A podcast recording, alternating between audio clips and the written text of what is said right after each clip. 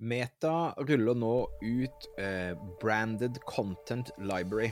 Stadig flere små bedrifter i Norge oppdager at med riktig markedsføring kan man utfordre de store, tradisjonelle bedriftene. Ved å ha fokus på å bygge gode relasjoner og opparbeide seg tillit, kan små bedrifter oppnå store ting. Velkommen til podkasten 'Suksess med annonsering'.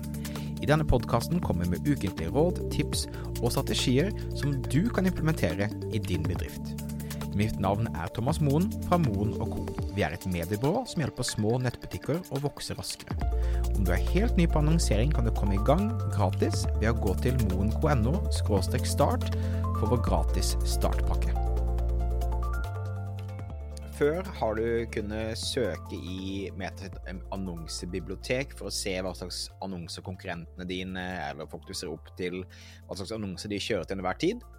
Veldig nyttig verktøy. Vi skal linke i shownotes til eh, Ads Library sånn generelt. Nå har altså Meta kommet med en oppdatering, sånn at altså eh, det man kaller influensersamarbeid, eh, der man har liksom sponsede innlegg eller collaborations, dukker opp en egen flik som heter branded content i Meta sitt ads library. Det er mye engelske ord på en gang. Men det gjør da at du har muligheten til å se de siste syv dagene er foreløpig vinduet Meta gjør tilgjengelig. Så dette er kjempespennende. Vi følger selvfølgelig videre med på eh, hva som skjer.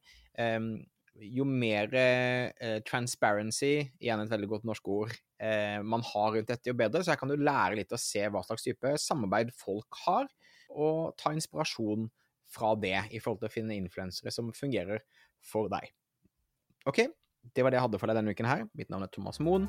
Husk å abonnere på podkasten Suksess med annonsering for å få med deg sånne nyheter som det her hver eneste uke. Ha det fint!